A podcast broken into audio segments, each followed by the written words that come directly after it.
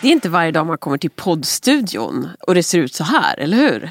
Nej, jag tänkte precis fråga, vem har bakat? Ja, det, alla som känner mig vet att det inte är jag. Det är ju det är poddjockes svärmor. Som, All right. ja, fantastiskt. Du får Okej. hälsa och tacka. Ja men verkligen. Vi har jättemycket att göra i den här podden idag, som vanligt. Mycket Ja. vi ska prata om. All right. Framförallt ska vi säga så är det väl arbetslinjen som är temat för idag. Absolut. Och vi har ju en gäst. Ska bli väldigt spännande.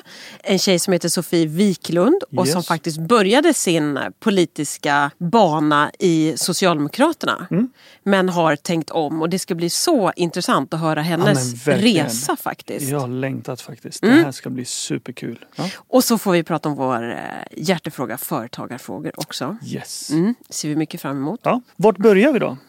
Kanske lite som förra gången med lite lyssnarfrågor. Ja, det kan vi göra. Det har ändå kommit in lite. Ja, Vi kan väl säga så här att eh, vi är jätteglada för alla som hör av sig. Vi får både frågor och vi får tillrop och vi får tips. absolut. Och det är jättekul. Vi hinner inte ta upp allt här såklart utan vi tar några stycken. Men vi försöker verkligen höra av oss till alla som hör av sig till oss. Verkligen. Okej Anna, men då kör vi första frågan då. Är vi moderater nöjda med hur skolsystemet fungerar? Ah, Okej, det är en bra fråga. Ja, Och den är, den är bra faktiskt. Mm. Svår och bra. Svår och bra. Vi kan förstå lite att den kom kanske för att förra avsnittet så pratade vi lite om det här med vinst och kvalitet kopplat till skolan. Och då är det väl jättebra att få möjligheten att kanske förtydliga det lite då och säga att nej men vi är väl inte helt nöjda med eh, skolsystemet. Nej. Och det är väl så med alla stora reformer. Alltså, vi införde en möjlighet för föräldrar att välja skola, det vill säga ett friskolesystem i Sverige. Och det är väl, tycker jag, ska man alltid vara beredd på med alla stora reformer att se över dem. Hur filar vi på det här så att det blir Exakt. bättre? Exakt. Men vårt viktiga medskick här är ju att från Moderaternas sida så tycker vi att den reformen ska förfinas utifrån ett kvalitetsperspektiv. Alltså vi vill ju inte backa bandet så att föräldrar inte längre kan välja den skola Ja, som passar inte. deras barn bäst. Utan vi vill ju titta på hur behåller vi valfriheten? Hur har vi en hög kvalitet på våra skolor? Precis. Och såklart också se över hur man maximerar valfriheten med rimliga kötider och så vidare. Absolut, Och det där att- behöver man titta på. Ja, och sen eh, är det viktigt också att vi stärker kvaliteten i alla våra skolor. För jag menar, alla våra skolor ska bli de bästa skolorna i Sverige. Det ska vara våran vision. För Nyköping. Mycket Yes. bra. Ja. Ja, fler frågor. ja, vad tycker familjen om att ni är politiker? Åh. Säger personen. Ja, här kastar Den vi oss mellan bra. ytterligheter. Ja, så att säga. verkligen. Och Ja. det här är en bra fråga. Men Mm. ska du börja? Ska jag börja? Mm. Jag ska säga att, att vara politiker är ju på många sätt som vilket annat jobb som helst som innebär att man jobbar oregelbundna tider, att man jobbar mycket. Och eh, då tycker nog, om jag bara ska tänka mig våra barn, de tycker det är lika tråkigt när jag jobbar mycket som när min man jobbar mycket. Så det är inte konstigare än så ur det perspektivet. Det. Men sen vet vi att som politiker har vi det här andra delen så att säga. Att man är en offentlig person och att man liksom är, är väldigt tydlig med åsikter och så vidare. Och det är klart att det kan påverka familjen. Men jag skulle nog säga att jag tror min familj är, är stolt ändå över att man eh, åtar sig det här. Så det är inte alltid helt lätt liksom, och det kommer med vissa uppoffringar. Just det. Jag fick det här armbandet. Ett blått fint armband av eh, vår dotter eh, i mors dagpresent som det står eh, friheten är blå på. så tänker, någonstans så gillar hon det jag gör. klok dotter. Eller hur?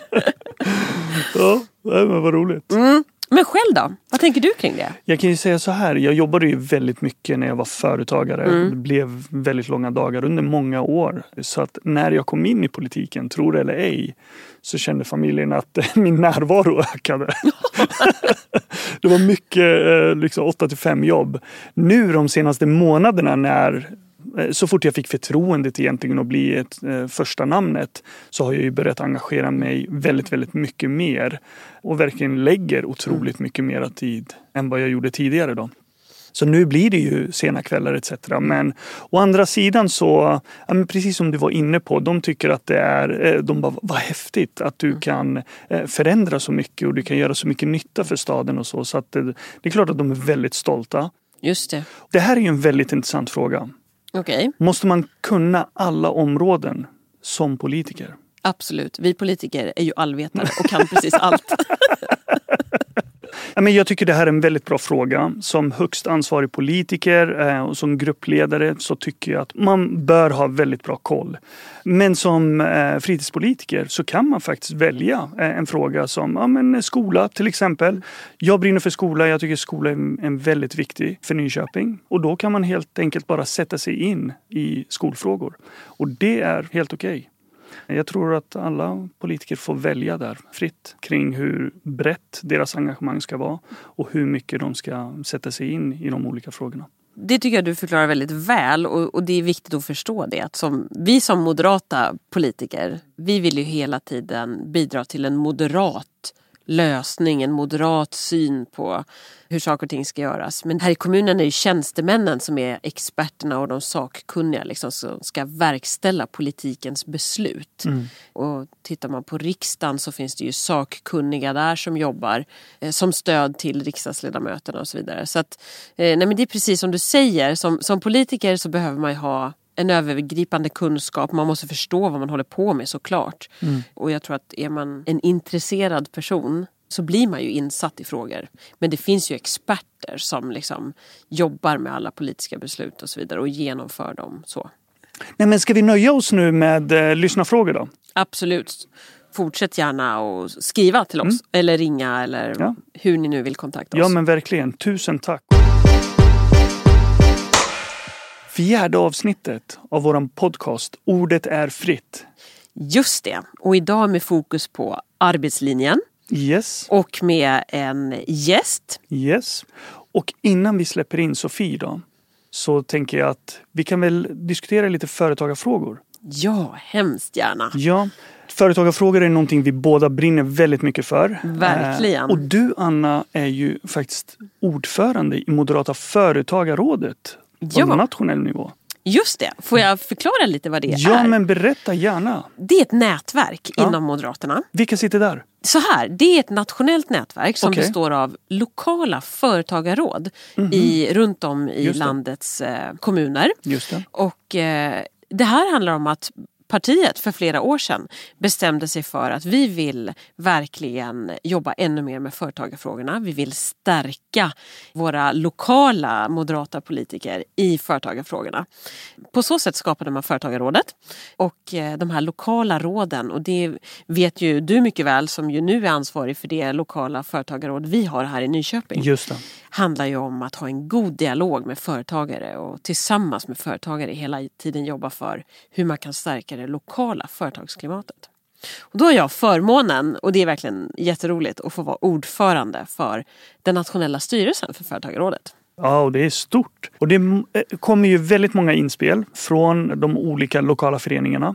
Och om jag bara ska dyka in i, i första frågan till dig då. Hur ser utmaningarna ut om man kollar på nationell nivå? Är det samma bekymmer som många har när det gäller företagsklimatet i de lokala föreningarna? Ja, men jag skulle säga att eh, om vi skulle identifiera en fråga som alla brottas med egentligen så är det ju regelkrånglet. Regelbördan, att alldeles för många företagare får lägga alldeles för mycket tid på administration och eh, den biten. Onödig byråkrati istället för att faktiskt jobba i sitt företagande. Och eh, det här är ju eh, Moderaterna väldigt tydliga nu med att eh, man vill verkligen ta tag i på allvar. Det är, I ärlighetens namn så är det flera partier som under åren har sagt att regelbördan behöver vi eh, lätta. Just det. Men Moderaterna är nu det enda partiet som faktiskt går till val på en siffersatt ambition här och säger att vi ska sänka regelbördan med 30 procent för landets företagare. Och det är en eh, tuff ambition Just måste det. jag säga. Helt rätt, men den kommer vi verkligen behöva jobba med och det hoppas ju vi såklart att vi ska få en eh, seger i höstens val. Så att vi på allvar kan börja jobba med att sänka alla de här onödiga trösklarna för företagsamheten. Och, Och bara för att eh, ge lyssnarna då, eh, lite konkreta saker. Då. Hur funkar det i de lokala föreningarna? Vad har de för typer av personer som sitter i de lokala företagen? Och sen hur når man med sina budskap från den lokala nivån då till riks då, eh, som i det här fallet då, hur kommer det i, i dina händer? Varje lokalt företagarråd består av några få moderata politiker, ofta toppnamnet på orten och sen ett par till. Och sen så eh, ett antal företagare. Och det ska vi vara tydliga med att säga, det behöver inte betyda att de här företagarna eh, har en blå partibok under armen. Nej. Utan det här är företagare som vill engagera sig för att eh, stärka det lokala företagsklimatet och som också såklart vill eh, hjälpa Moderaterna att bli bättre i företagarfrågorna. Just det. Och man ska veta, och det är ett fantastiskt eh, roligt att veta, men vi moderater är det parti som idag har störst förtroende eh, bland företagen. Om, om det var val idag och bara företagarna fick välja så skulle Moderaterna vinna. Men det är också ett förtroende som förpliktigar. Så vi måste också Absolut. hela tiden vara de som jobbar hårdast med att förbättra företagandets förutsättningar. Som sagt, jag sitter ju själv eh, och leder vårt lokala företagarråd här i Nyköping och jag tycker verkligen det Ja, men det ger oss andra perspektiv också. Vi får ju väldigt mycket medskick. Nu är jag företagare och har varit det väldigt länge. Eh, Så jag har ju koll på en del saker men jag har inte koll på alla branscher. Och ha representanter som representerar mer eller mindre alla branscher eh, som vi bör ha koll på. Allt ifrån industri, besöksnäringen till eh, ja, men produktion och, och export, eh, import eh, etc. Det gör ju att det underlättar ju vårat arbete. Vi får reda Absolut. på vad som funkar och inte funkar och vilka utmaningar som finns för de olika branscherna och Just de det. olika företagen etc. Så att, det. eh, nej, för mig, jag har utvecklats enormt bara där. Jag håller helt med dig. Det här är ett otroligt värdefullt, ett företagarråd är ett så otroligt värdefullt bollplank för en själv som politiker. Men sen så tycker jag, jag tycker också det, varje gång man pratar företagande så är det lite intressant att bara reflektera över företagarnas roll också. Nu ska vi alldeles strax prata arbetslinje med Sofie. Och då vet ju vi att för att arbetslinjen ska vara möjlig så behövs ju en företagarlinje på något sätt. Absolut, Företagarna skapar de jobb som arbetslinjen bygger på. precis. Jag brukar ta varje tillfälle jag kan också och bara prata lite om företagarnas som förebild i samhället. För att eh, vi, du och jag var ju på invigningen av eh, Näringslivets hus här i Nyköping exempelvis och träffade då igen Ung Företagsamhet. Ja, Och det tycker jag är en så viktig del i att få unga att jobba med företagande och se att man Absolut. inte bara behöver ta en anställning utan också kan skapa sitt eget jobb så att säga. Exakt. Och hela den här entreprenörskraften som finns faktiskt i barn som börjar med att ha ett loppis vid vägkanten och sälja saft. Liksom. kreativiteten. Exakt, Ja. den skulle man ju vilja liksom få behålla så mycket mer av genom livet. Så att säga. Så företagarfrågorna tycker jag är otroligt engagerande. Också för att det säger någonting om, ja, men om vårt samhälle.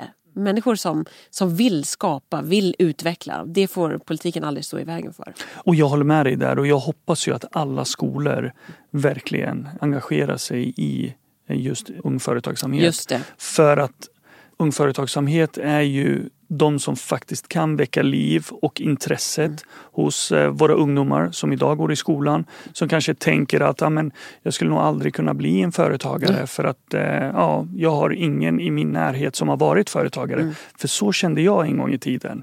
Men när du får testa på Mm. det, när du får uppleva det så kan du till och med älska det. Ja. Och det kan faktiskt bli ja, men ditt mål i livet. Att Just bli det. en företagare och då måste man uppmuntra dem. ja, verkligen.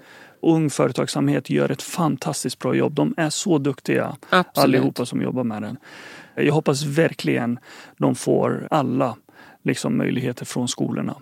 Och sen att man också förstår som vuxen vad företagandet betyder. Det, och vi som politiker, vi, vi kan ju sitta här i Nyköpings stadshus eller vi kan sitta i riksdagen och, och besluta om olika saker. Men har man inte företagare runt om i landet som skapar jobben, som driver utveckling, som hela tiden hittar nya sätt att göra saker på. Ja. Eh, producerar, tar fram mat.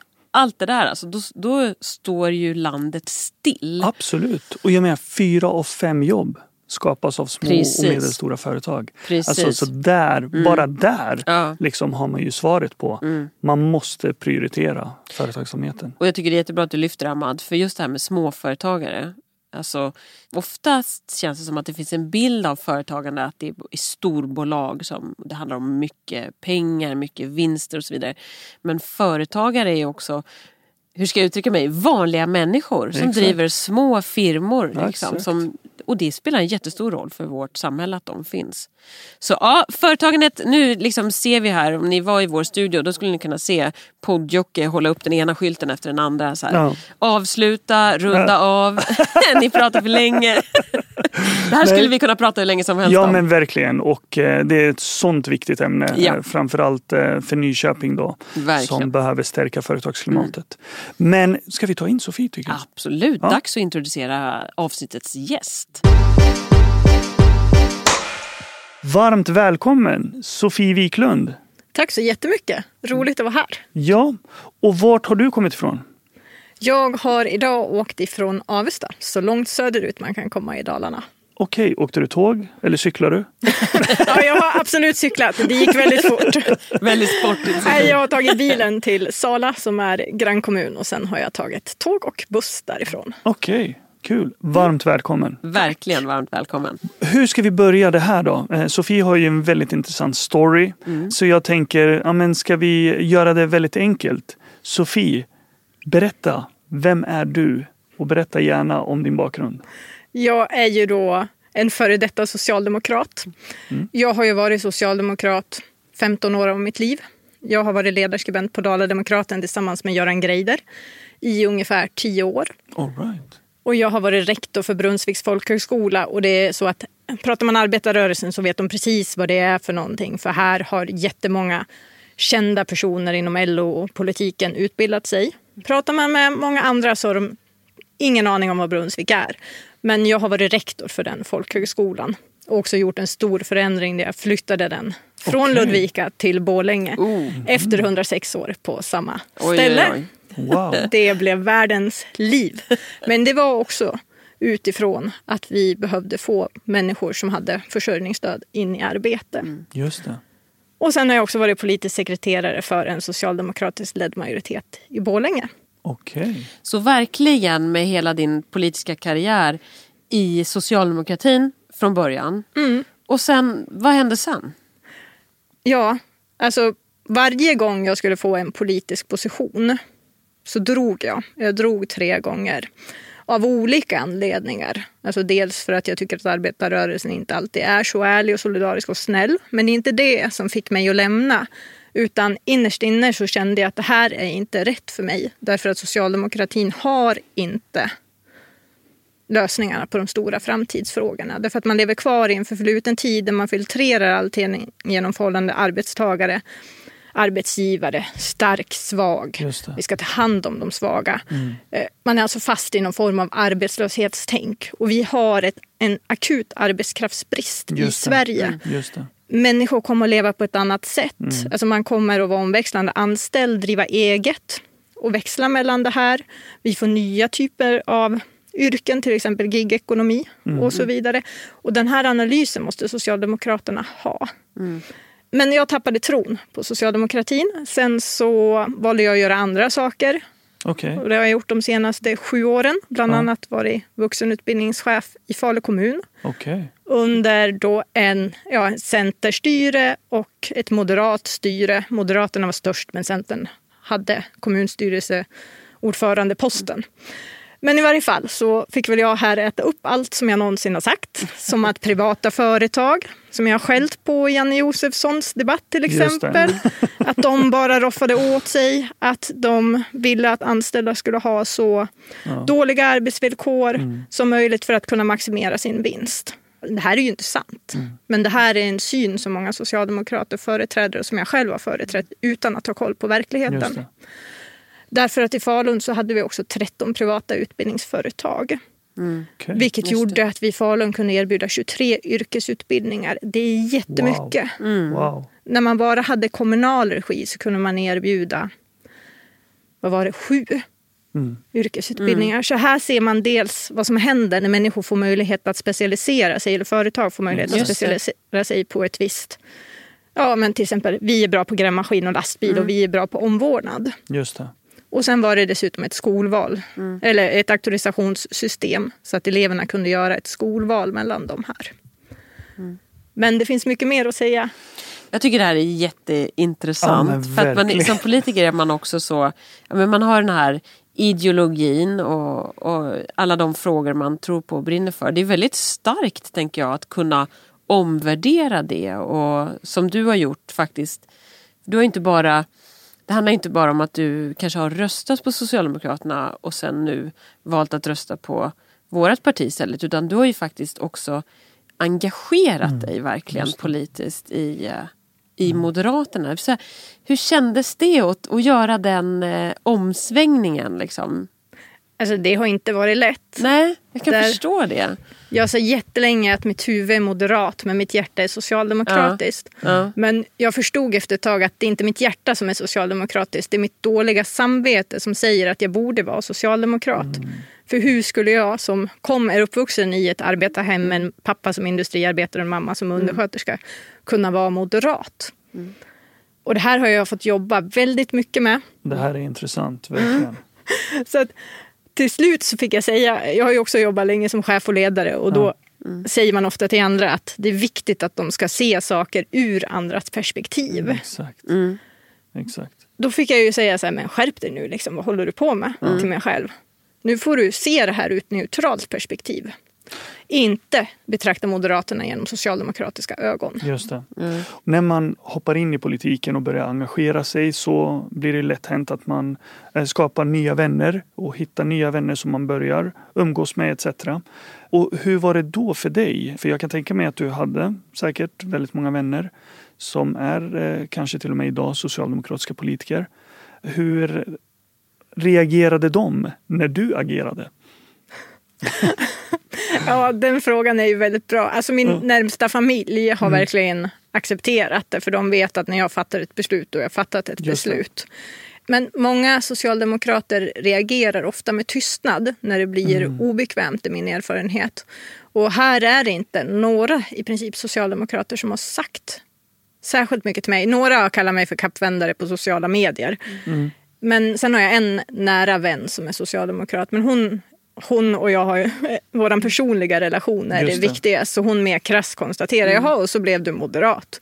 Och sen var det inte så mycket mer Nej. med det. För att hon är också bra att skilja på person och på roll. Det är ju så här också, eh, att eh, som, som vi har förstått det så i, i, för dig så var det ju en specifik fråga som också gjorde att du omvärderade, nämligen arbetslinjen. Ja. Kan du inte berätta lite kring det? Ja, för det första så jag är ju egentligen uppfostrad med att man gör rätt för sig. Man ska aldrig någonsin utnyttja ett system. Men när systemen, alltså när man är i behov av systemen, då ska de också fungera bra. Men det var återigen Falun som var den här ögonöppnaren. För vi hade ju en moderat ordförande. Och eh, ja, det första jag gjorde när jag kom var att jag såg det här med den akuta arbetskraftsbristen. Våra 15 Just största arbetsgivare i kommunen hittade inte arbetskraft. Och samtidigt var det 2253 arbetslösa, både hos AF och både hos Arbetsförmedlingen, hos Försäkringskassan och på försörjningsstödet. Och anledningen till att jag pratar i siffror här och inte procent, därför att det blir lättare när man ser de här som individer och vet att det här är personer som arbetsgivarna behöver. Exakt. Så då föreslog jag till politiken att vi borde bli den första kommunen i Sverige som fattade ett beslut om att ha kompetensförsörjning som uppdrag för vuxenutbildningen. Och samma dag som jag skulle presentera det här för mina medarbetare som om att vi ville lyfta det här som förslag till politiken, då kommer det också från nationellt håll.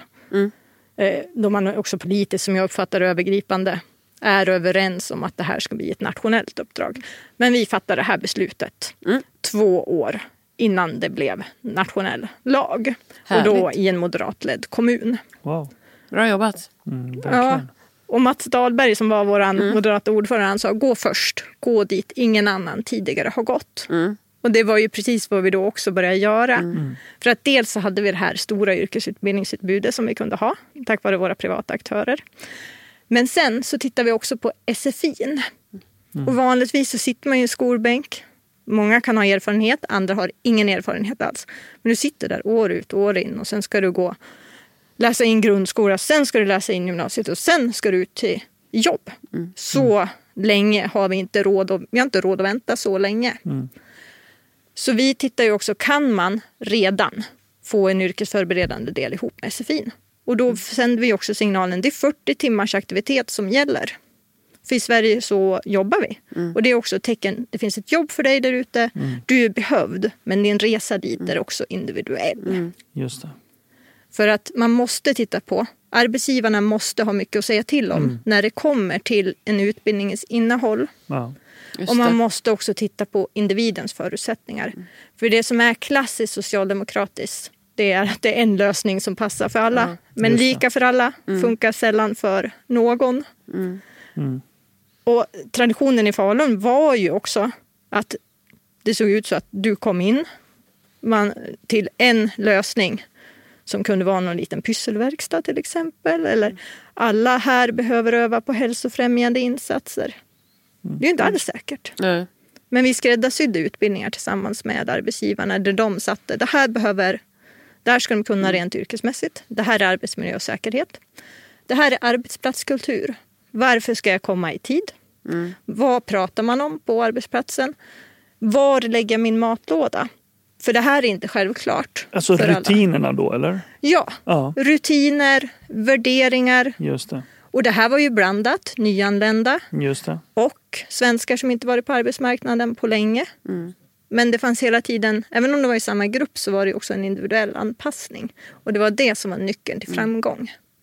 Men bara för att spinna vidare lite på det. Vad, vad betyder arbetslinjen för dig? Den frågan är jättebra måste jag säga. Ja. För att arbetslinjen för mig betyder att ja, dels att arbetsgivaren ska kunna ha sin kompetensförsörjning tillgodosedd. Just det.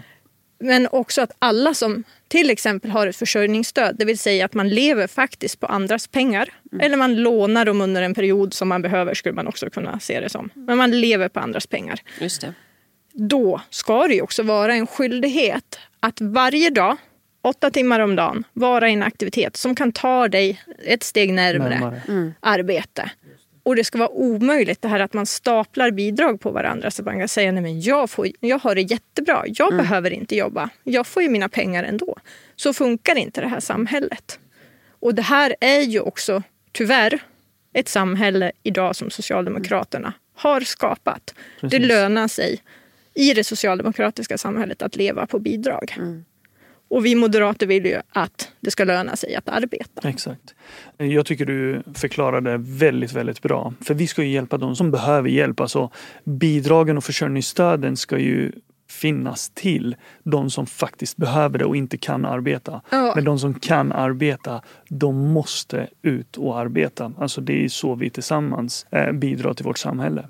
Ja. Det här är väldigt intressant och eh, för mig är det också väldigt logiskt. Oavsett om du har bott i Sverige väldigt länge eller du är ny här. eh, Språket är ju det viktigaste. Du var inne på det tidigare just med SFI. För det känns ju som att det är biljetten in till samhället. För att du ska kunna bli en del av samhället så är ju språket. Vilket land du än åker till eller flyttar till så Ja. är ju språket det viktigaste. Det är ju enda sättet för dig att skola in dig och komma in i ett samhälle. Sen behöver du ju utbilda dig självklart. Du behöver skaffa dig ett arbete, en egen inkomst så att du blir självständig, självförsörjande. Och det gör ju att du också utvecklas och blir ditt bästa jag. Och kan Precis. faktiskt följa dina drömmar på ett helt annat sätt. Och det här är ju inga konstigheter. Det här borde ju vara logiskt egentligen för alla partier. Ja, jag håller helt med. Och jag tycker att så här, just det här perspektivet att man om man går till ett jobb så går man också till en gemenskap. Ibland blir debatten ganska liksom kantig här. Att vi vill inte ha personer som går på bidrag utan att eh, det ska löna sig att jobba. Det är jätteviktigt. Men precis det du är inne på eh, Ahmad också att går man till jobbet så går man ju också till till en tillhörighet. Så Just hela det. den här integrations segregationsdiskussionen har ju jättemycket ihop med arbetslinjen. Ja, Ja, men verkligen. ja. Vilka utmaningar ser du framför dig nu när det gäller arbetslinjen? Det är ju den rekordhöga arbetskraftsbristen. Just det. Men det är ju ett svårt läge, men det är egentligen också ett guldläge för att det gör ju att vi måste hitta nya lösningar och få prova nya saker. Och alla de här som är arbetslösa eller finns på försörjningsstöd, de är ju en potentiell arbetskraft. Så jag tänker att här borde ju kommunerna gå in och verkligen nästan masskartlägga. Nu blir det jättekonstigt ord när man pratar om människor. Men att verkligen se vad har de för styrkor, vad har de för mål, Exakt. vad har de för tidigare erfarenhet.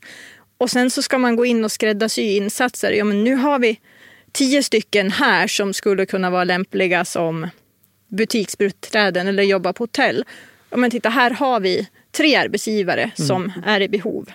Ja, Så men, fokusera på varje individ egentligen och Ja. kolla vilka styrkor, vilken potential har den här personen och sen liksom koppla den personen till det yrket eller den branschen som kan vara potentiell utifrån ja, men behovsanalysen Ja. eh, som man har gjort. Och, och det tycker jag, det är någonting som vi har diskuterat Anna väldigt, väldigt mycket. Alltså att tro att man kan bara komma fram till en lösning som ska passa alla, det kommer inte att fungera utan man Nej. måste fokusera på individen. Och det har vi pratat om väldigt mycket om när det gäller skolan också. Att Ja. skolan ska vara individanpassad Precis. och eh, insatserna man gör ska vara individanpassade etc. Men det intressanta är ju att eh, det är många som säger att det finns väldigt mycket jobb framförallt besöksnäringen nu eh, som de säger att omställningen efter eh, corona, covid och, och det gjorde att många valde andra branscher etc. Så nu står de där och behöver väldigt mycket personal. Och sen har vi väldigt många som står utanför arbetsmarknaden Ja. eh, och till och med kanske väljer att inte ta vissa jobb. Hur reagerar man och agerar man där? Tycker du? Alltså, där tycker jag att där skulle alltså en sak är ju verkligen att kravställa försörjningsstödet. Tack. Det är det som är Tack. lösningen. För det ska vara omöjligt att säga att jag vägrar att ta ett jobb därför att jag lever bättre på bidrag. Mm. Det bromsar ju hela samhällets utveckling. Ja men verkligen. Och det är svårt att diskutera det här ibland med socialdemokrater. Jag vet inte varför. Och nu eh, sitter jag här med en före detta socialdemokrat. så du kanske kan göra det enklare för mig att förstå. Men när jag egentligen diskuterar med socialdemokrater så försöker jag få dem att förstå att frihetsfrågan är väldigt viktig. Att vara självständig. Det är inte bara att vara självständig. Det är också en frihetsfråga för människan. Och kunna ja, men en vacker dag så vill man äga sin bostad. Hur ska du äga din bostad? Du behöver ett arbete, du behöver din inkomst, du behöver spara till drömmen egentligen. För drömmen är ju oftast alltid eh, från början när du får ditt första jobb eh, egentligen. Det är att kunna äga din bostad. Så var det för mig, så var det för många av mina vänner. Och så här, vi måste bana vägen för alla de här människorna. Alltså ge dem möjligheter, ge dem de förutsättningar så de kan följa sina drömmar. Men hur kan man göra det utan att man har vissa politiker som verkligen låser fast människor eh, liksom i ett utanförskap eller i, en, eh, i ett förtryck eller jag vet inte hur vi ska kalla det. Eh, alltså jag försöker komma på rätt ord men det känns som människor inte utvecklas när Socialdemokraterna får bestämma. alltså, Ja. Är det rätt ord? Jag vet inte. Nej, men jag håller faktiskt, jag håller faktiskt med dig. Mm. Jag tror att många socialdemokrater menar väl, men jag tror att man är så fast i sin ideologi och ideologin tillhör egentligen en förfluten tid. Mm. Därför att det är uppbyggt kring det här starka och svaga människor. En arbetsgivare är alltid stark, en arbetstagare är alltid svag. De som är arbetslösa, det fick jag jobba jättemycket med inne i Falun med perspektivvändningen även i de kommunala tjänstemannaleden. Mm. Det, det är synd om de här personerna. De har varit med om så Exakt. mycket. De behöver tid. Nej, men de kan inte jobba på en gång. Nej. Nej, men, alltså men- att ställa krav och förväntan, det är som Oliver Rosengren i Växjö alltså, uttrycker sig. Det är att bry sig. Att ställa krav är att bry sig. Exakt. Det handlar om att bli sedd. När man blir sedd utifrån sina förutsättningar och du får sätta dina egna krav och mål, ja men då är det ju själv du sviker. Man sviker inte någon förmedlare på AF eller någon handläggare Ja. på socialtjänsten. Utan det är det här som du pratar om. Ja. Liksom, det handlar om förmågan att få styra över sitt eget liv, möjligheten att drömma och förverkliga sina drömmar. Ja men verkligen. Ja. Och, och det är så intressant bara apropå att äga sitt eget boende som jag var inne på tidigare. Bara när man tar upp en sån diskussion. Ja. Att eh, bygg inte fler hyresrätter i, i, det, i vårt miljonprogramsområde utan eh, försök att bygga mycket bostadsrätter så att man kan faktiskt verkligen jobba och spara till att kunna äga sin egen bostad i det här området också så att man inte behöver flytta från det här bostadsområdet. För man vill ju behålla de positiva krafterna för de blir ju förebilder i eh, vårt miljonprogramsområde. Och då säger man, ja men eh, hur fasiken ska det gå till? Hur menar du att de ska kunna eh, liksom köpa sig sin egen bostad? Ja, precis som alla andra. Jobba och spara pengar. Och jag tror precis det här som ni båda har varit inne på, att kunna förverkliga sina drömmar. Mm. Det är ju också viktigt att öppna upp för det. Att så här, samtidigt som man har den här ökade kravställan kopplat till att, att få ett bidrag för att klara sig. Och det tycker jag du uttrycker väldigt väl Sofie, när du säger att det är faktiskt andras pengar. Alltså vi eh, pytsar ju in tillsammans till den här välfärden och till möjligheten att stötta de som verkligen behöver det. Och då ska inte det missutnyttjas av de som inte behöver det. Men om det är den ena delen så tycker jag den här andra delen Och det hänger ju också väldigt mycket ihop med som det var det vi var inne på inledningsvis. Att här skapa möjligheter för de här resorna. Att man faktiskt ska kunna jobba ihop till sin första bostad. Det är svårt i Sverige idag. Det finns för mycket hinder för det. Och Det tror jag också är jätteviktigt.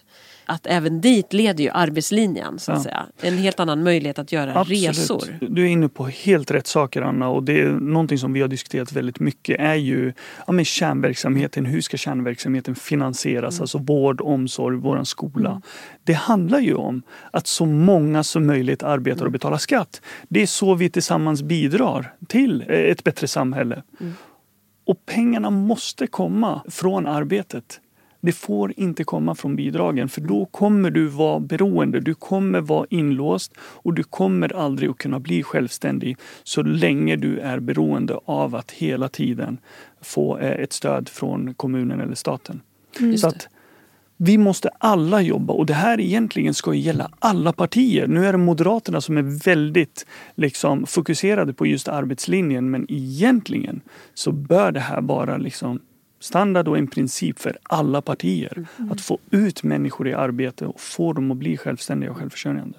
Och det här blir ju så intressant för där, alltså med min bakgrund i ett så här mer klassiskt arbetarhem.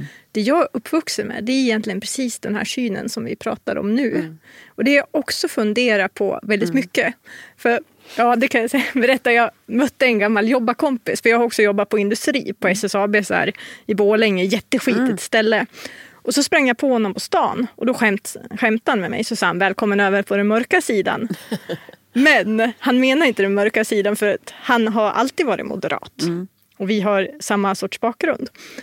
Och så frågar jag, är du förvånad? Nej, inte dugg. Därför att du har alltid pratat som en moderat. Och det är ju det som blir så intressant. För det är som att Socialdemokraterna har gisslantagit många med min bakgrund som pratar om att ja, men det här med hederlighet, att man ska sköta sig. För egentligen så är ja, många i min omgivning egentligen inte socialdemokrater utan mer moderater. Men de tror på något sätt att de Exakt. måste rösta på Socialdemokraterna. Och det är här jag har fått kämpa för att jag har betraktat samhället genom socialdemokratiska ögon och inte genom neutrala ögon.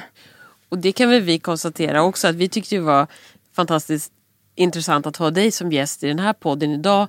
Bara utifrån att prata lite arbetslinje som är så viktigt för Nyköping Ja, och, verkligen. och Sörmland och hela landet egentligen.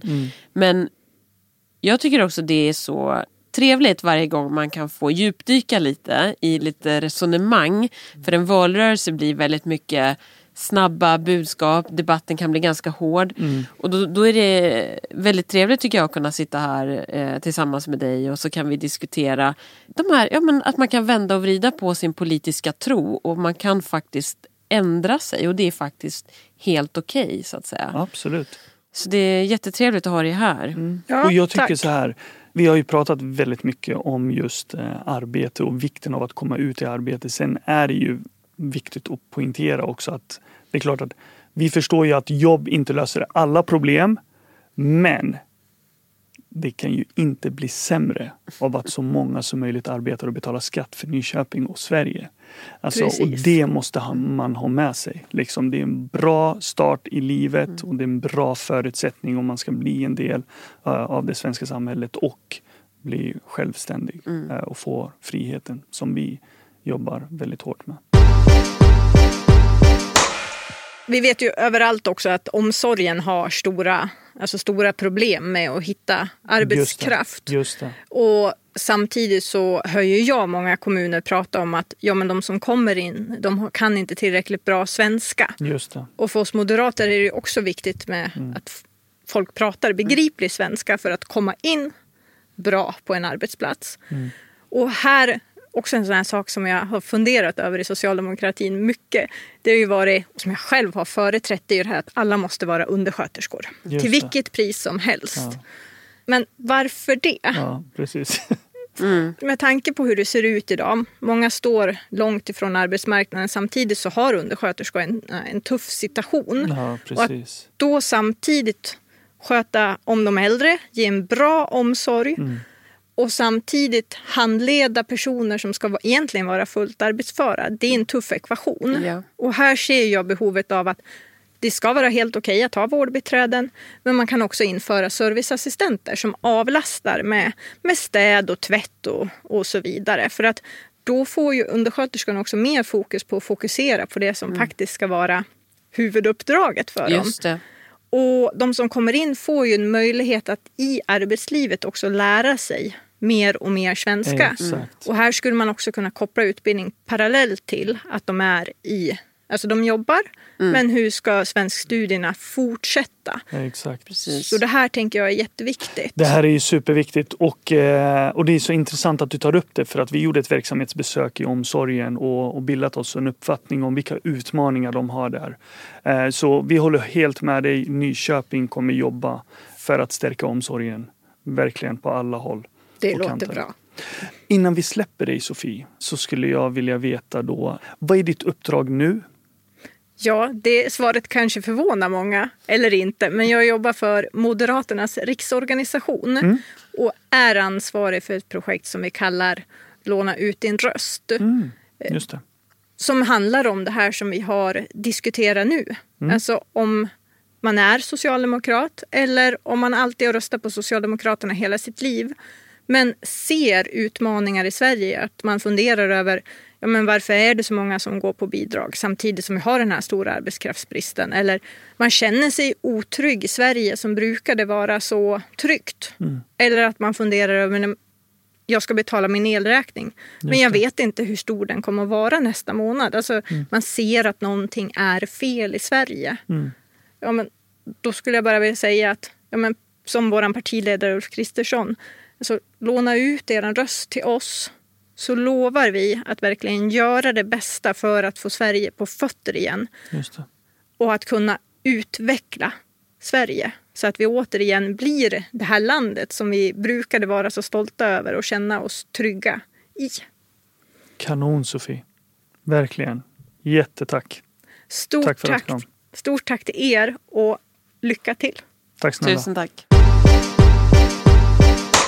Men då så, då är vi inne på hiss eller diss. Just det. Det har vi väntat på och nu är det faktiskt din tur att hissa och min tur att dissa. Så tråkigt. Ja, det är mycket roligare att hissa. Och då skulle jag vilja hissa eh, med anledning av att vi idag har fått ta del av Sofies resa och hur hon har tänkt om och eh, hittat nya sätt för sitt politiska engagemang. Just det. Så skulle jag vilja hissa just det. Alla människor som eh, i ett läge kan titta på en situation utifrån olika perspektiv och sen se hur kan det här bli bättre och faktiskt våga tänka om och våga satsa på något nytt. Den typen av eh, modiga ställningstaganden skulle Wow. jag vilja hissa. Wow. Jag måste nog säga det är en favorithiss tror jag hittills. Bra jobbat. Kul att höra. Mycket bra.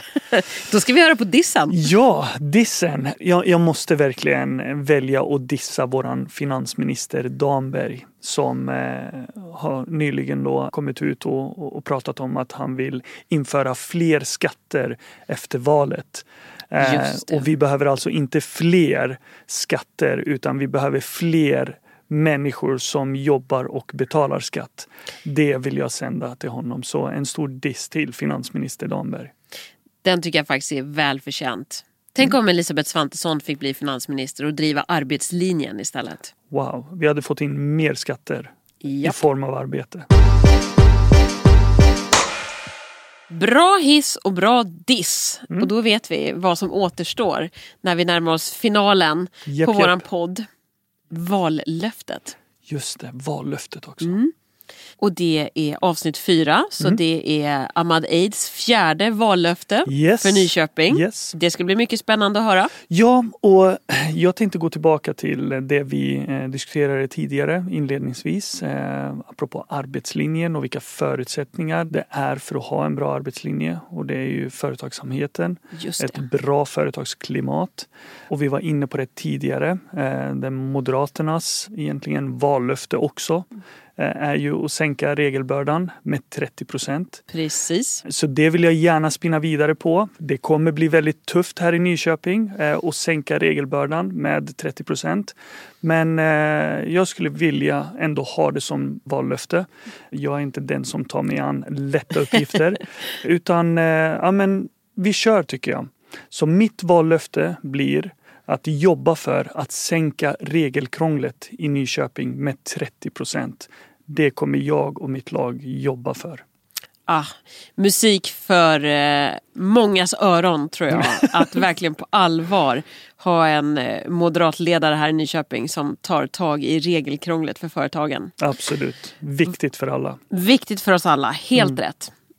Och då så börjar det bli dags för oss att runda av det här avsnittet, eller Ja. hur? Absolut. Vad ska vi prata om nästa gång? Nästa gång så är ju tanken att vi eh, ska ta ett grepp om omsorgsfrågan. Just det. Bra, det ser jag. Viktigt för våra äldre och alla personer i Nyköping som behöver eh, stöd och omsorg. Ja men verkligen. Ja men kanon. Och som sagt, återigen, följ oss. Vi finns på Instagram, vi finns på Facebook, Moderaterna Nyköping. Och vi har ju också en hemsida kan vi tipsa om. Där man såklart kan surfa in och se vilka vi är och läsa mer om oss och så. Ja, om det är någonting ni undrar över. Just det. Vi behöver runda av och det är Ja. dags för eh, kampanj, inte helt otippat. Yes, Så på ska... med joggingskorna. Ja men verkligen. Och vi ska faktiskt snacka dörr med Sofie också. Det ska, Det bli, ska bli kul. Ja. Tusen tack för att ni lyssnade. Tusen tack allihopa. Ta hand om er.